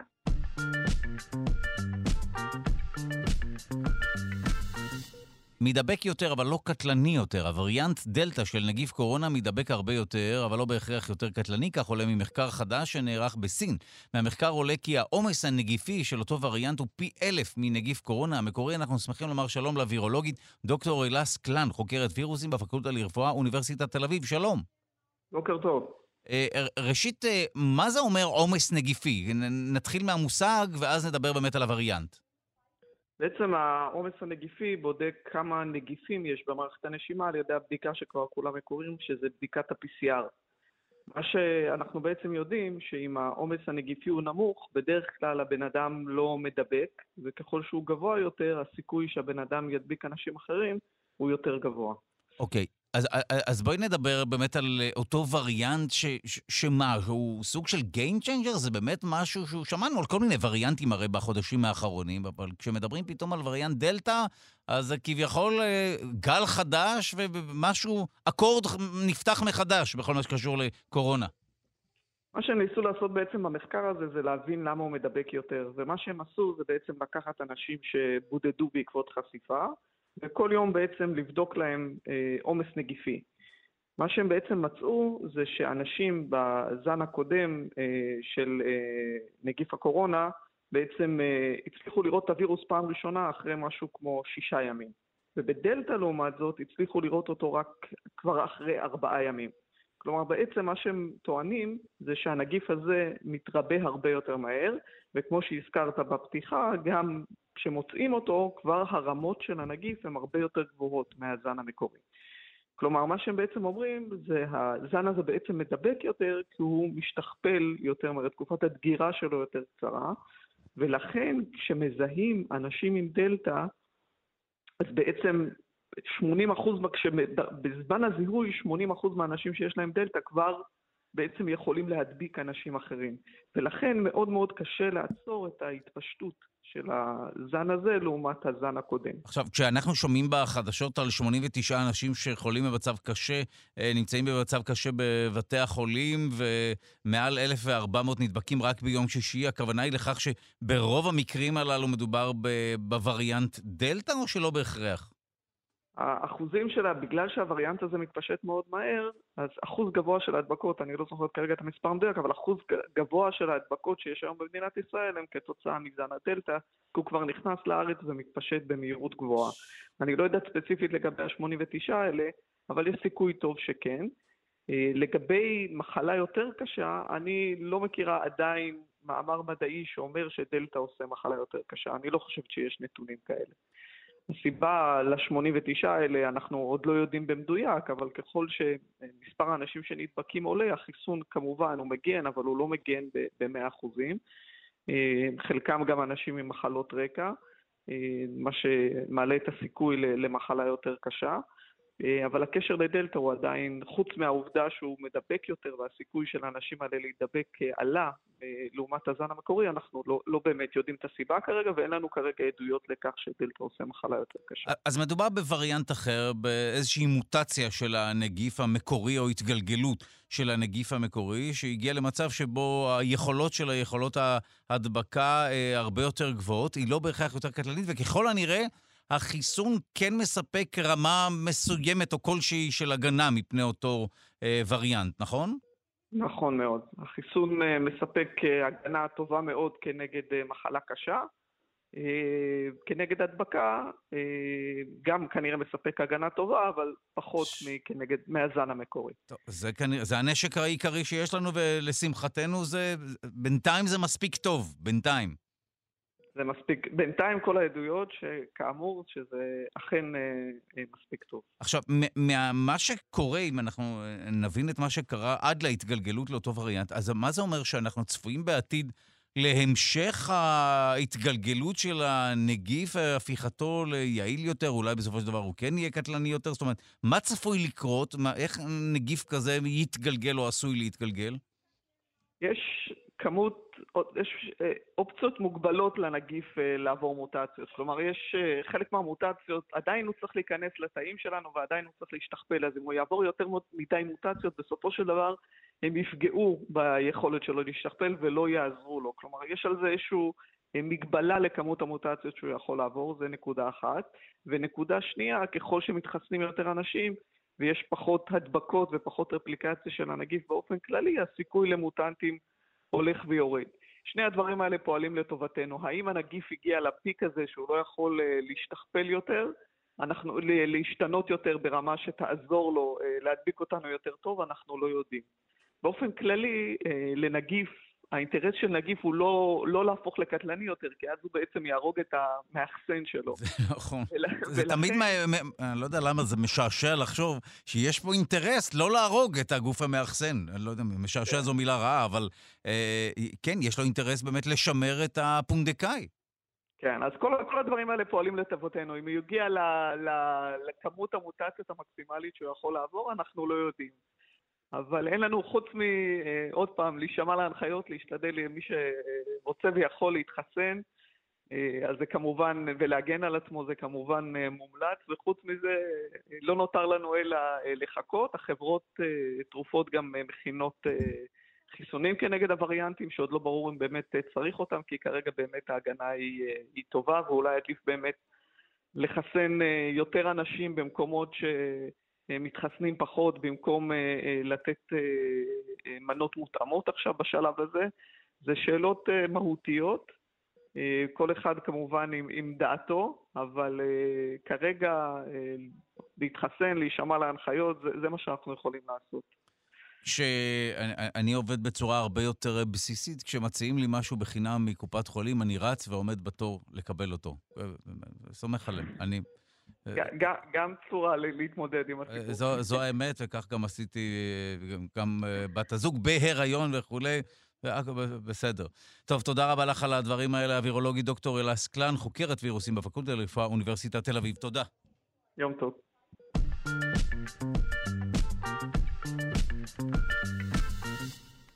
הסיכוי למצוא מידע מדעי איכותי בגוגל תלוי בשפת החיפוש. כך עולה ממחקר חדש שנערך בטכניון ופורסם בכתב העת Public Understanding of Science. על פי המחקר, תוצאות החיפוש של מונחים מדעיים באנגלית איכותיות יותר מתוצאות החיפוש של מונחים מדעיים בעברית ובערבית. את המחקר ערכו קאוטר זועבי, דוקטור אביב שרון ופרופסור איילת ברעם צברי שכבר נמצאת איתנו על הקו, יחד עם החוקר העצמאי דוקטור אייל ניצני, ועוד נמצאו עוד כמה הבדלים שאנחנו מיד נשמע בשיחה. שלום לפרופסור איילת ברעם צברי מהפקולטה לחינוך, למדע וטכנולוגיה בטכניון, שלום. שלום, שלום וברכה. כמובן שאי אפשר להאשים את גוגל, אלא אה, אה, אה, את הציבור, נכון? גוגל בסך הכל ממפים את מה שקיים ברשת. א', להאשים את גוגל זו תמיד אופציה, ואני בטוחה שאם אנחנו נסתכל על האלגוריתם, נוכל למצוא כל מיני דרכים שבהן הוא כן או לא מגיע אל הנתונים הכי טובים שיש, או לתוצאות הכי טובות שיש. אבל באמת, זה לא מה שאנחנו חקרנו. מה שאנחנו חקרנו זה את התוצאות שמוצגות, את איכותן, ואני מסכימה איתך שכנראה במקרה הזה מי שאשם זה לא מי שמציג לנו אותם, אלא מי ש... אם להשתמש במילה אשם, זה מי שייצר אותן. אמ, וכן, אנחנו רואים הבדלים בשפות השונות. תחשוב על זה, תחשוב, אני, אני מטכניון בחיפה, על, על שתי תלמידות שיושבות זו ליד זו אה, באותה כיתה, אחת מחפשת בערבית, אחת מחפשת בעברית, הן מוצאות בעצם דברים שונים. אה, אוקיי, כי, כי יש מקורות שונים, אבל מה שמדהים זה שאני יכול להבין למה יש יותר תוצאות חיפוש, ולכן אולי אפשר לברור מהרבה מאוד תוצאות באנגלית את הטובות ביותר בצורה יעילה יותר, או שיש תוצאות איכותיות יותר בהשוואה למה שקורה בעברית. פשוט מבחינה כמותית. אבל ערבית זה נשמע לי קצת מוזר, כי אני משער שגם יש מקורות מדעיים בערבית. לא פחות מבאנגלית, אולי קצת פחות, אבל לא הרבה פחות. ראשית כל, אה, ערבית יחסית למספר הדוברים שלה היא שפה שלא אה, נמצאת בכמות גדולה אה, ברשת. זאת אומרת, יש mm. שפות עם פחות דוברים שיש להן נוכחות הרבה יותר גדולה. אבל אני חושבת שמה שאנחנו רואים במקרה הזה הוא גם השפעות תרבותיות. זאת אומרת, זה לא רק עניין של איזושהי פרופורציה של מספר הדוברים ומספר המשתמשים ברשת, אלא גם האם האנשים האלה נוטים לכתוב מידע, ואיזה סוג של מידע, אה, וגם איזה סוג של מידע אנשים אה, צופים בו ומשתמשים בו, ולכן גוגל מוצא אותו יותר. נכון? אם, mm. אם הרי יהיה איזושהי תוצאה שהמון אנשים מקשרים אליה והמון אנשים משתמשים בה, היא תעלה בעצם גבוה יותר בין התוצאות. זה סוג של מה שראינו. בעצם איך התחיל הרעיון למחקר הזה? אה, קאוטר היא מורה שהיא אז אה, הייתה סטודנטית למאסטר, מאז היא כבר בעלת תואר שני. אה, היא הייתה מורה לביולוגיה, והיא רצתה בעצם להעשיר את השיעור שלה בביולוגיה בכל מיני תרשימים ודיאגרמות ואנימציות וכל מיני דברים כאלה. אז היא חיפשה את המילה קרום, כי היא חיפשה קרומתה בעצם, היא רצתה לחפש את קרומתה. היא חיפשה את המילה קרום בערבית בגוגל, ומה שהיא מצאה זה שהעמודים הראשונים היו מלאים בתוצאות על קרום הביטולין ואיך לאחות אותו, או איך שבעלך לא ידע שהוא אה, פגוע וכו'. אה, והיא הייתה די מזועזעת מהעניין הזה, ובסופו של דבר, כדי למצוא את האנימציות שהיא רצתה ואת התרשימים שהיא רצתה על קרומתה, חיפשה באנגלית. חיפשה ממברין. ואז כשהיא באה וסיפרה לי את זה, חשבנו לעצמנו שה... האיכות של התוצאות שאנשים מחפשים, אה, באמת מאוד יכול להיות שונה בין שפות שונות, גם בגלל שפשוט אה, יש פחות תוצאות כאלה, או שפחות אה, אה, מורים ופחות מדענים מעורבים בכתיבה של תוצאות בשפות השונות, אבל גם בגלל שאנשים מאוד מתעניינים מסיבות תרבותיות באספקטים מסוימים, ולכן התוצאות האלה מטפסות למעלה. כשאת מדברת על תוצאה איכותית, סליחה שקטעתי אותה, אבל תוצאה איכותית, למה הכוונה? לתוצאה שאפשר לסמוך עליה מדעית, אה, תולדה של, אה, לא יודע מה, איזשהו מחקר מדעי, אה, אנשי מדע כתבו אותה, למה הכוונה? שאלה מעולה. All of the above. בעצם עשינו איזושהי רשימה של אינדיקטורים, שלפיהם יכולנו למיין ולנקד בעצם את התוצאות השונות. והיו שם שלושה סוגים של uh, אינדיקטורים. סוג אחד זה באמת האם uh, התשובה היא מקיפה, האם המידע הוא נכון ומדויק, כל מיני דברים מהסוג הזה. זאת אומרת, האם התוכן הוא נכון ומדויק. אז זה סוג אחד.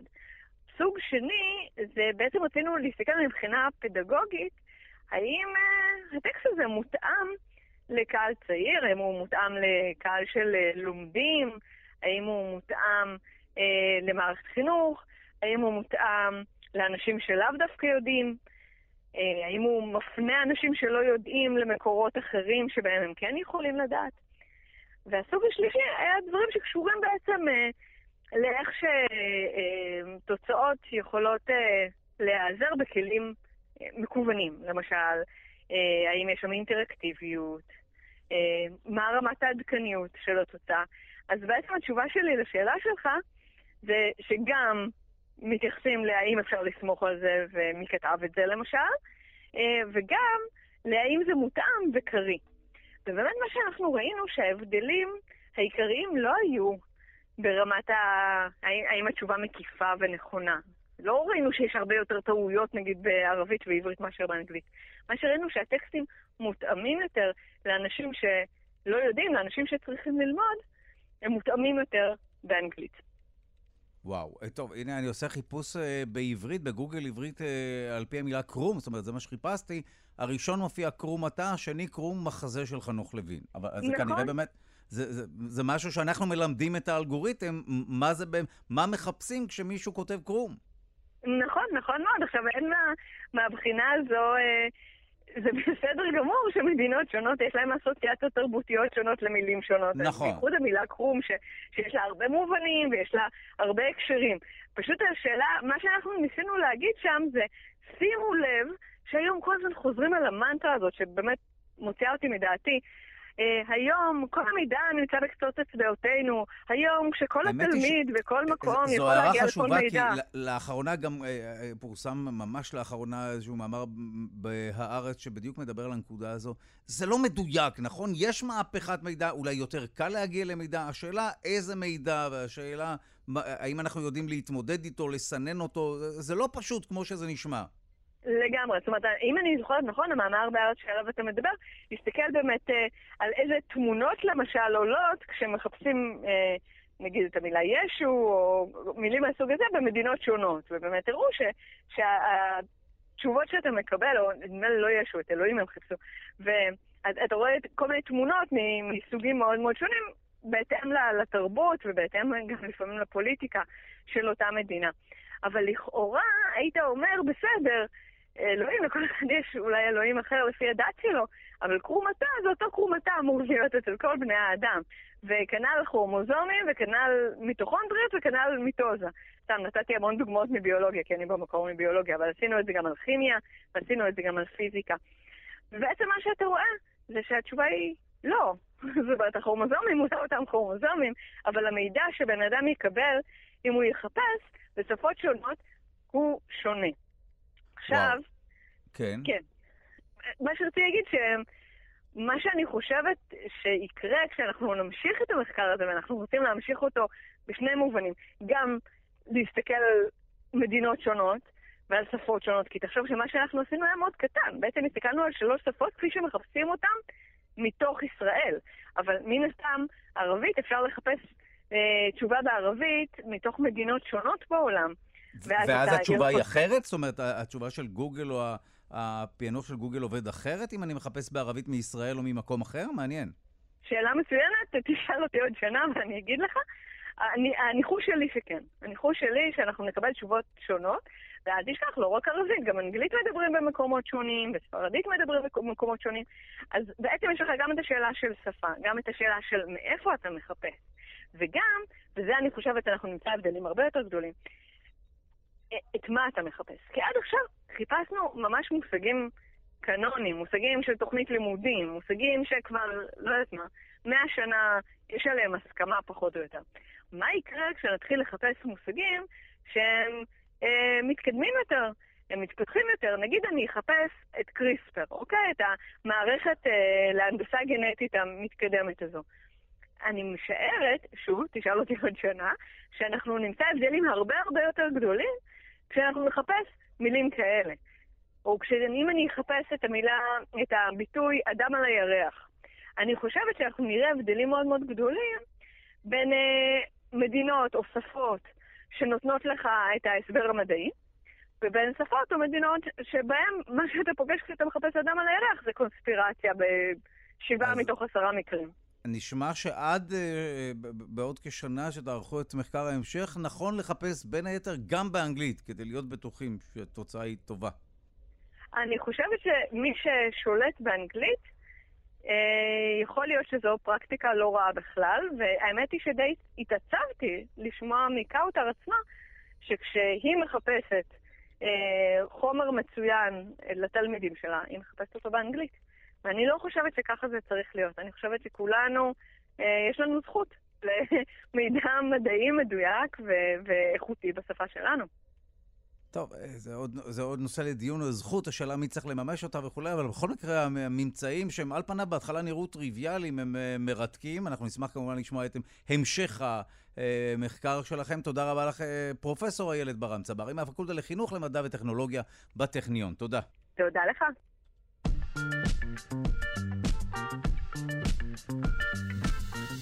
העצים צריכים להשתפר. כדי להיאבק בהתחממות הגלובלית, היער הישראלי חייב להשתפר ולהיכנס לכושר.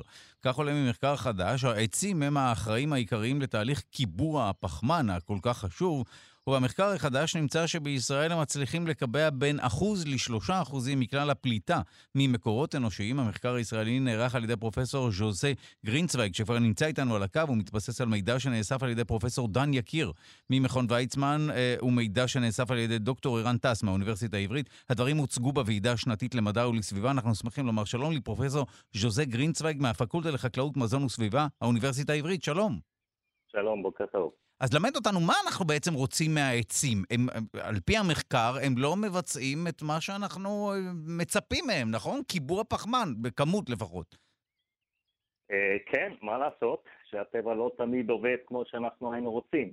אבל הייתי רוצה להסביר איך זה עובד. אנחנו נשמח לא... כמובן, גם אה, אם תסביר באמת את כל מה שקשור לתהליך קיבוע הפחמן המאוד חשוב, שהוא לא בהכרח נחלת הכלל, אנחנו לא כולנו מכירים אותו. אה, כן, ברור.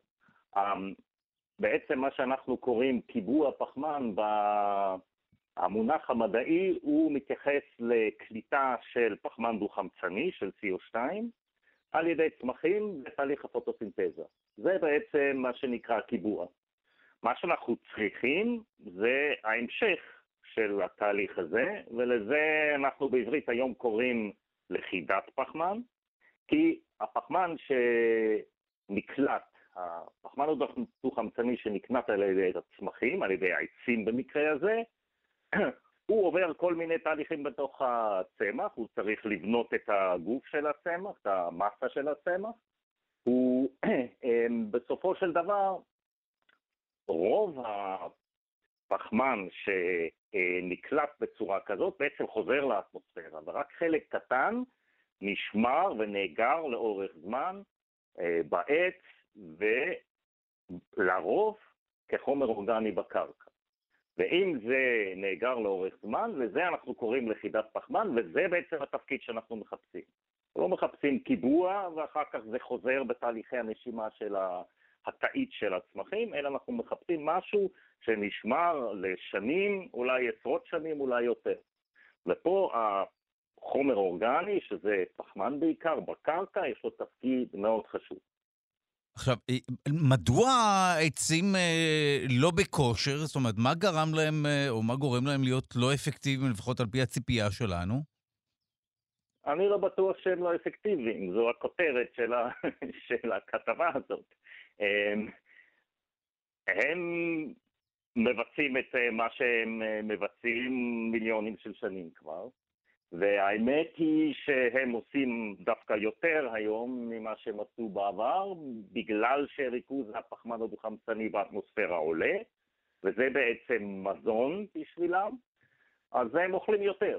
אבל הם לא, בעולם, כן, הם, הם, הם לא מקבים ולוכדים את כל הפחמן הדו-חמצני שהאנושות פולטת, אלא רק איזה בערך 30 אחוז.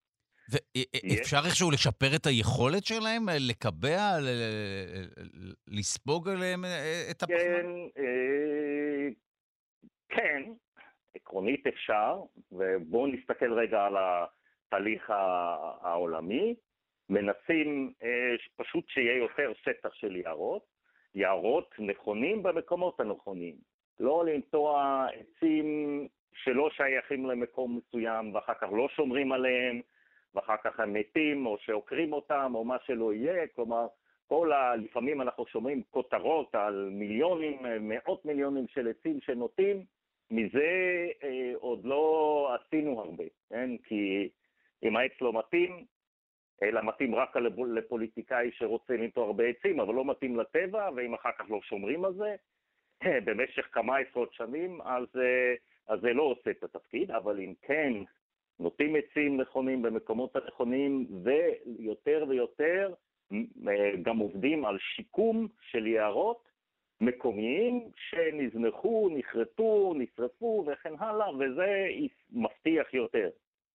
כלומר, אמ, אותם עצים שיש לנו, הם עושים מה שהם עושים, אבל אה, מנסים שפשוט יהיו יותר מהם, ואז אה, היערות בעולם יצליחו ללכוד יותר פחמן, זה נכון. אה, עד כמה אה, אפשר לסמוך באופן כללי, גם בהנחה שכמובן נצליח לשפר את היכולת וכולי, עד כמה העצים משמעותיים בניסיון שלנו, או באופן כללי במערכת, אה, שאמורה לאזן את, ה, את הזיהום הפחמני הזה באטמוספירה? זאת אומרת, כמה הם באמת מצליחים לטהר את האוויר כן. או את האטמוספירה? כן, כן, זה מה שאמרתי קודם, שמתוך מה, כל מה שאנחנו פולטים, 30 אחוז בעצם נלכד mm. על ידי היבשה, מה שנקרא, אה, המערכות האקולוגיות היבשתיות, שלרוב זה עצים ויערות. 30 אחוז, זה לא מעט. לא. יתר ה-70 אחוז מתחלק, בערך 40, אה, בערך 40 אחוז נשאר באטמוספירה, בגלל זה הריכוז עולה שם, אה, ומה שנשאר נספק באוקיינוס. אז זה תפקיד משמעותי מאוד, אחרת הריכוז הפחמן הדו-חמצני באטמוספירה היה עוד יותר גבוה, אבל זה לא יכול אה, אה, לקבע וללכוד את כל מה שאנחנו פולטים, אנחנו פשוט אה, פולטים יותר מדי. טוב, אנחנו מודים לך על השיחה הזו, פרופסור ז'וזה גרינצוויג מהפקולטה לחקלאות, מזון וסביבה, האוניברסיטה העברית. תודה. תודה לכם.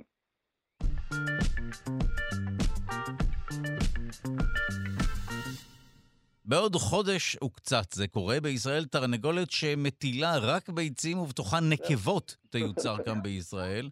התרנגולת היא אה, פרי פיתוח משותף אה, של מכון וולקני יחד עם חברת NRS אה, Poultry, והתקווה היא שאותו פיתוח ישים קץ להשמדת האפרוחים בתעשיית הביצים, השמדת 7 מיליארד אפרוחים מדי שנה בעולם. אנחנו שמחים לומר שלום לדוקטור יובל סינמון, חוקר במכון וולקני ומדען ראשי ב-NRS Poultry, שלום.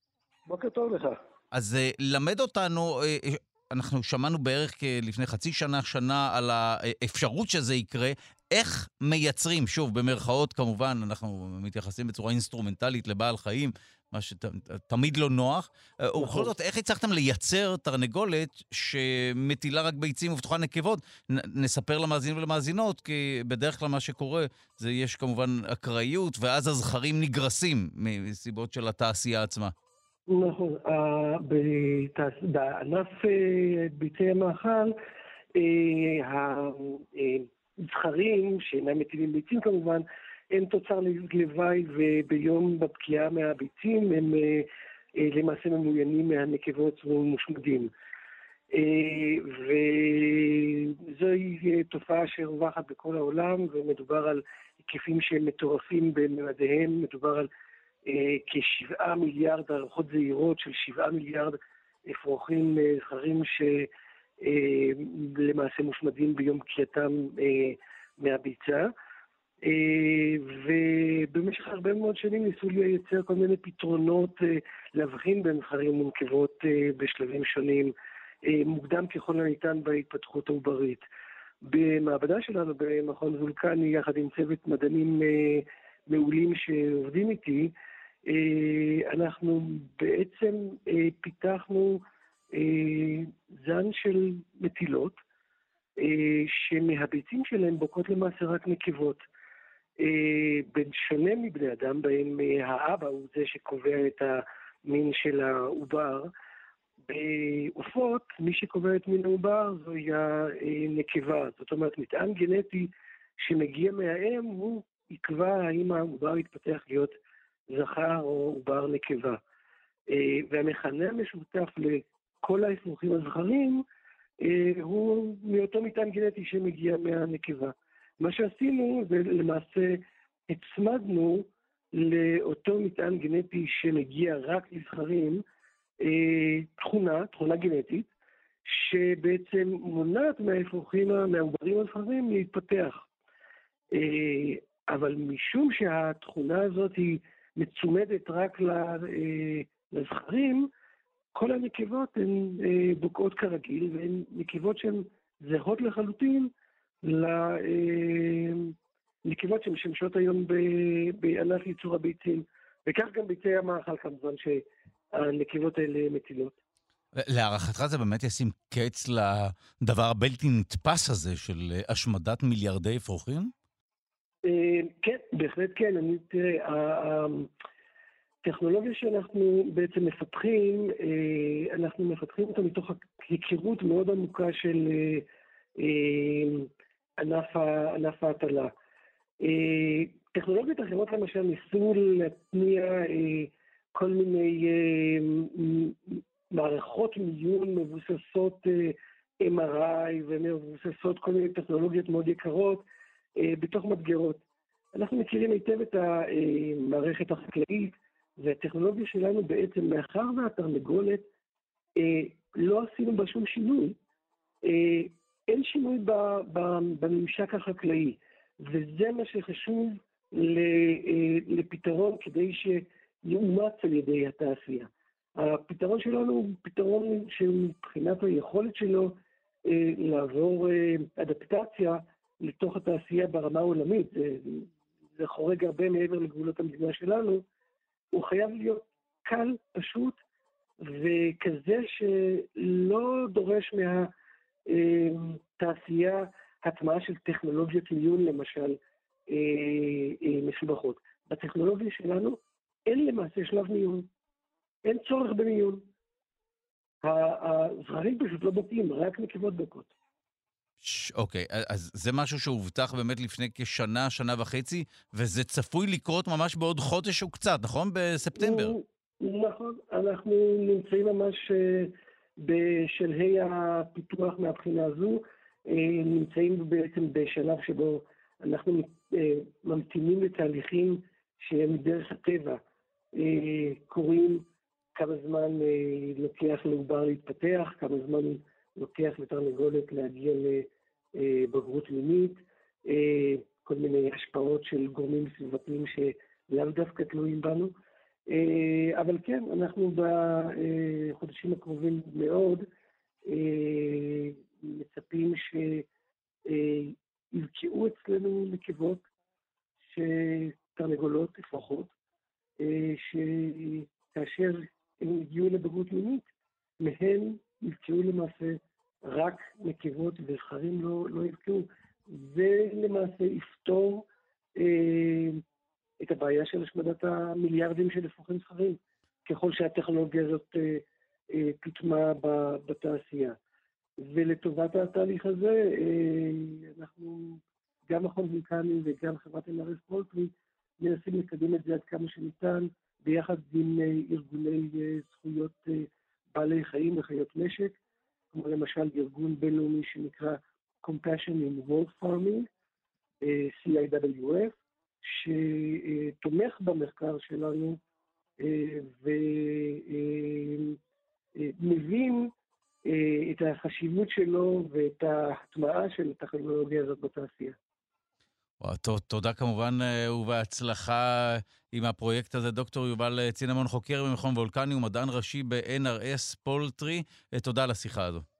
אני מאוד מודה לך. בוקר טוב.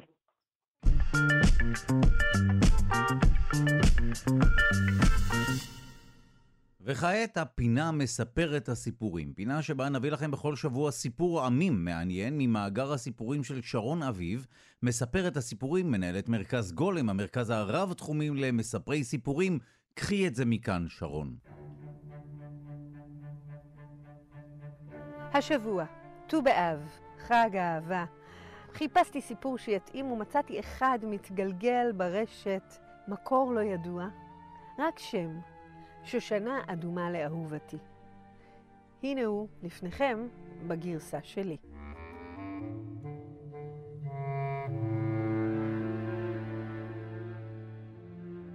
הכל התחיל בספרייה בפלורידה. בחור צעיר שממש אוהב לקרוא נכנס לשם.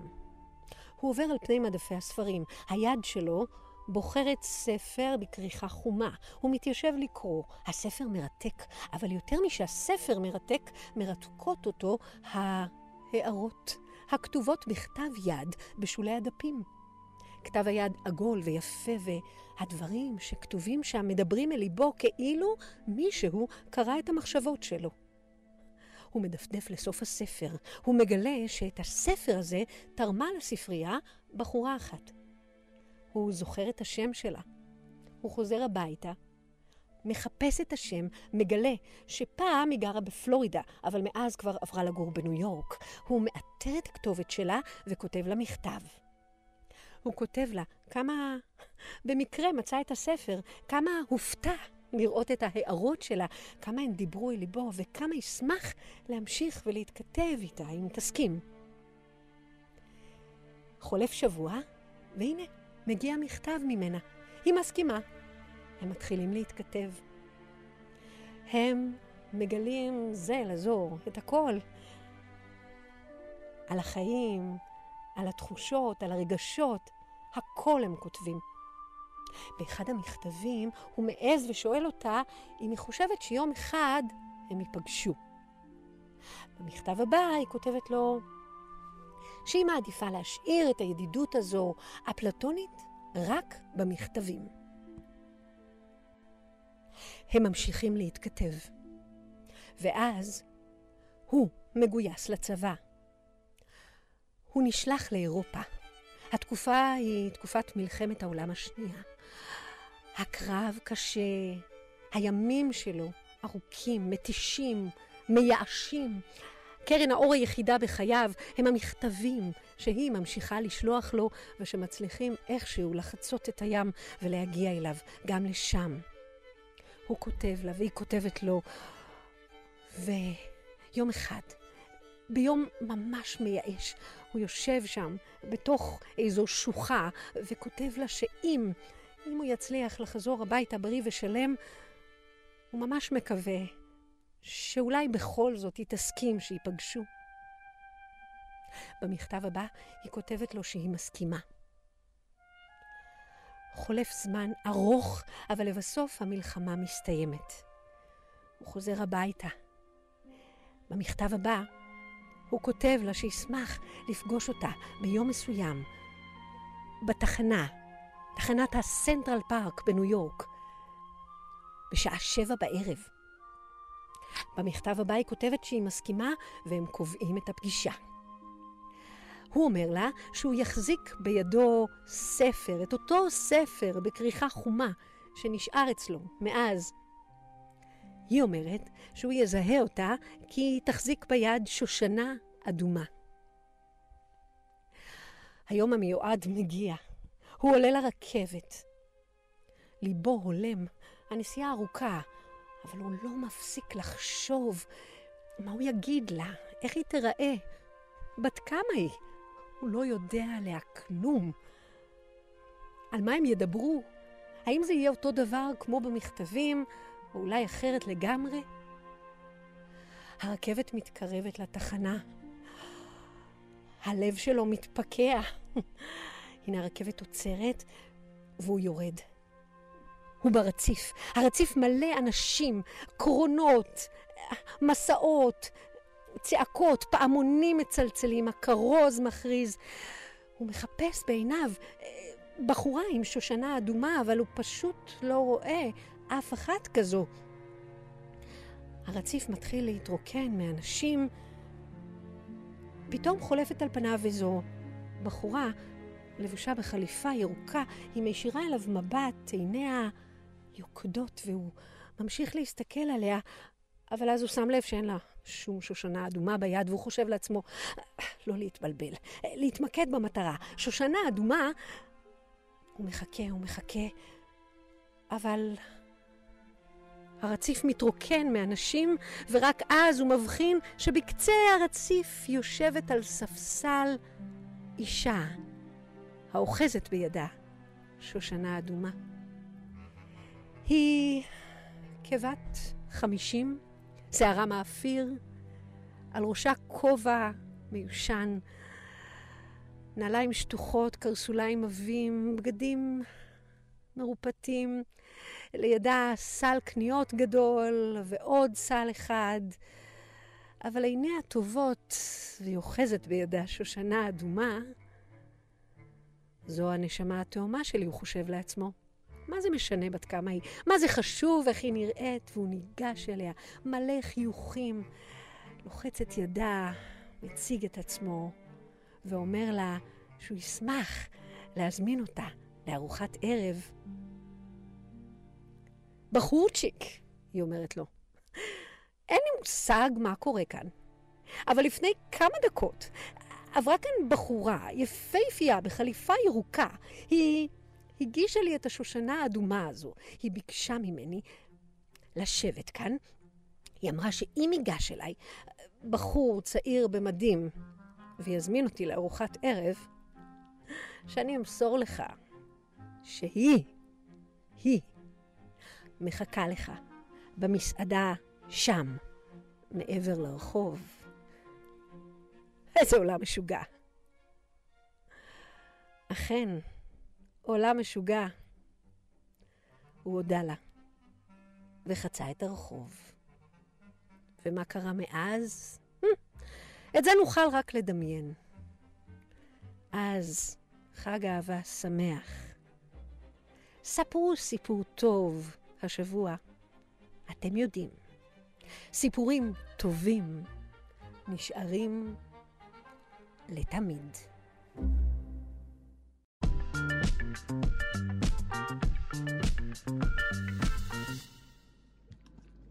ועכשיו ניסוי. בכל שבוע נסביר למאזינות ולמאזינים הצעירים יותר איך לבצע ניסוי מעניין באמצעות חומרים שניתן למצוא בכל בית.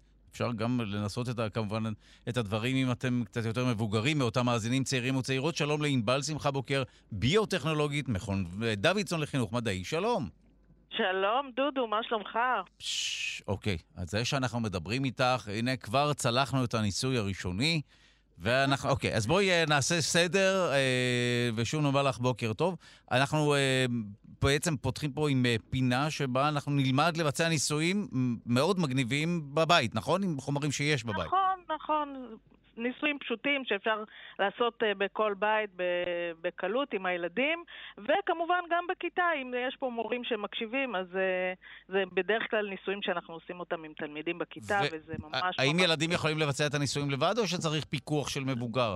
לא צריך שום, שום פיקוח, זה הכל חומרים ביתיים ופשוטים מאוד. ללא פיקוח, אה, אין צורך ברואה חשבון שינהל את ההגרלה וכולי. ממש פשוט לא. עושים את הדבר עצמו. אוקיי, אז אה, על מה אנחנו מדברים, וכמובן שאת תסביר לנו גם מה העיקרון שנמצא בבסיס הניסוי בכל שבוע. אז על מה אנחנו מדברים השבוע?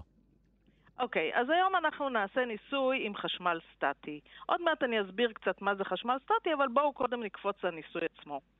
אה, אז מה צריך? צריך קרש חיתוך, שתי כפות, מלח דק, פלפל שחור טחון ובלון מנופח.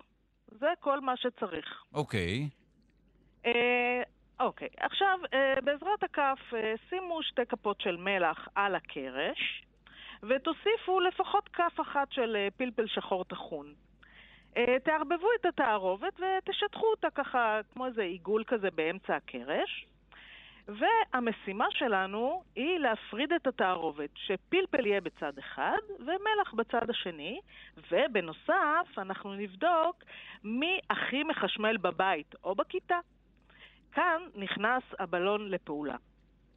מה שאתם עושים זה ככה, משפשפים את הבלון בשיער לפחות עשר או עשרים פעמים, לא בעדינות, שפשוף ככה רציני, שפשוף חזק.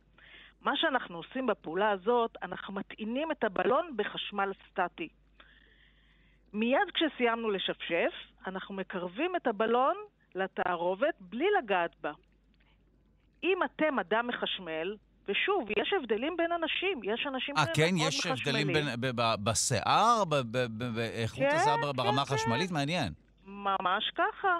לפעמים זה גם תלוי באיזה שמפו השתמשת, או באיזה מרכך, אבל אנחנו רואים ממש הבדלים. יש אנשים שכמעט לא יוצרים חשמל סטטי, מצד שני, יש ילדים שהם פשוט מחשמלים ברמות מטורפות. כאשר אתם מקרבים את הבלון אל התערובת, אתם שומעים פתאום רעש כזה, כמו התנגשות של יריות קטנטנות, כי גרגירי הפלפל קופצים מהתערובת ונדבקים לבלון. אחר כך אפשר את הגרגירים האלה להפריד, וככה אנחנו יכולים להפריד מחדש את התערובת למלח ופלפל. זאת אומרת, אה, שוב, הנה, אנחנו, אה, גם אפשר ככה על הדרך ללמוד את ההבדל בין תרכובת, שאותה נתקשה להפריד ברמה הזאת, לתערובת, נכון? זה מין אה, סלט שאפשר להחזיר את ה... או לפחות להפריד בין המרכיבים שלו. לגמרי. במקרה הזה, וכך אפשר לבודד או להפריד בין המלח לבין הפלפל באמצעות חשמל סטטי, שפשוף בלון. גם אם יש, בא לכם סתם לקרוע ניירות, הראיתי לבני הקטן, ולגרום לניירות כזה לעמוד ולרקוד, נכון, גם, גם את נכון, זה אפשר נכון, לעשות עם אותו נכון. בלון. זה מבטיח וגם... דקות ארוכות של כיף. לגמרי, ואני, מניסיוני בכיתות, פשוט אה, אה, כל השיעור עובר בשפשופי ראש וקירוב לבלון, עד שאנחנו בעצם מסיימים להפריד את כל התערובת. אמ, אז קצת הסבר, מה שקורה זה שבניגוד לחשמל שזורם אלינו בחוטים, החשמל שנמצא אצלנו בשקעים, הוא זורם אלינו בעצם מתחנת כוח שמייצרת חשמל. זה חשמל חזק ומסוכן. החשמל הסטטי הוא לא זורם, הוא מצטבר בחפצים. השפשוף כשאנחנו משפשפים את הבלון בשיער, הוא מטעין את החפץ בחשמל סטטי, והחשמל הזה הוא מפעיל כוח חלש על העצמים שמסביב. בגלל זה, בגלל שהפלפל הוא יותר קל מהמלח, הוא זה שקופץ ראשון ונדבק לבלון. Uh, בעצם כל החומרים uh, יכולים להיות בעלי מטען או חיובי או שלילי.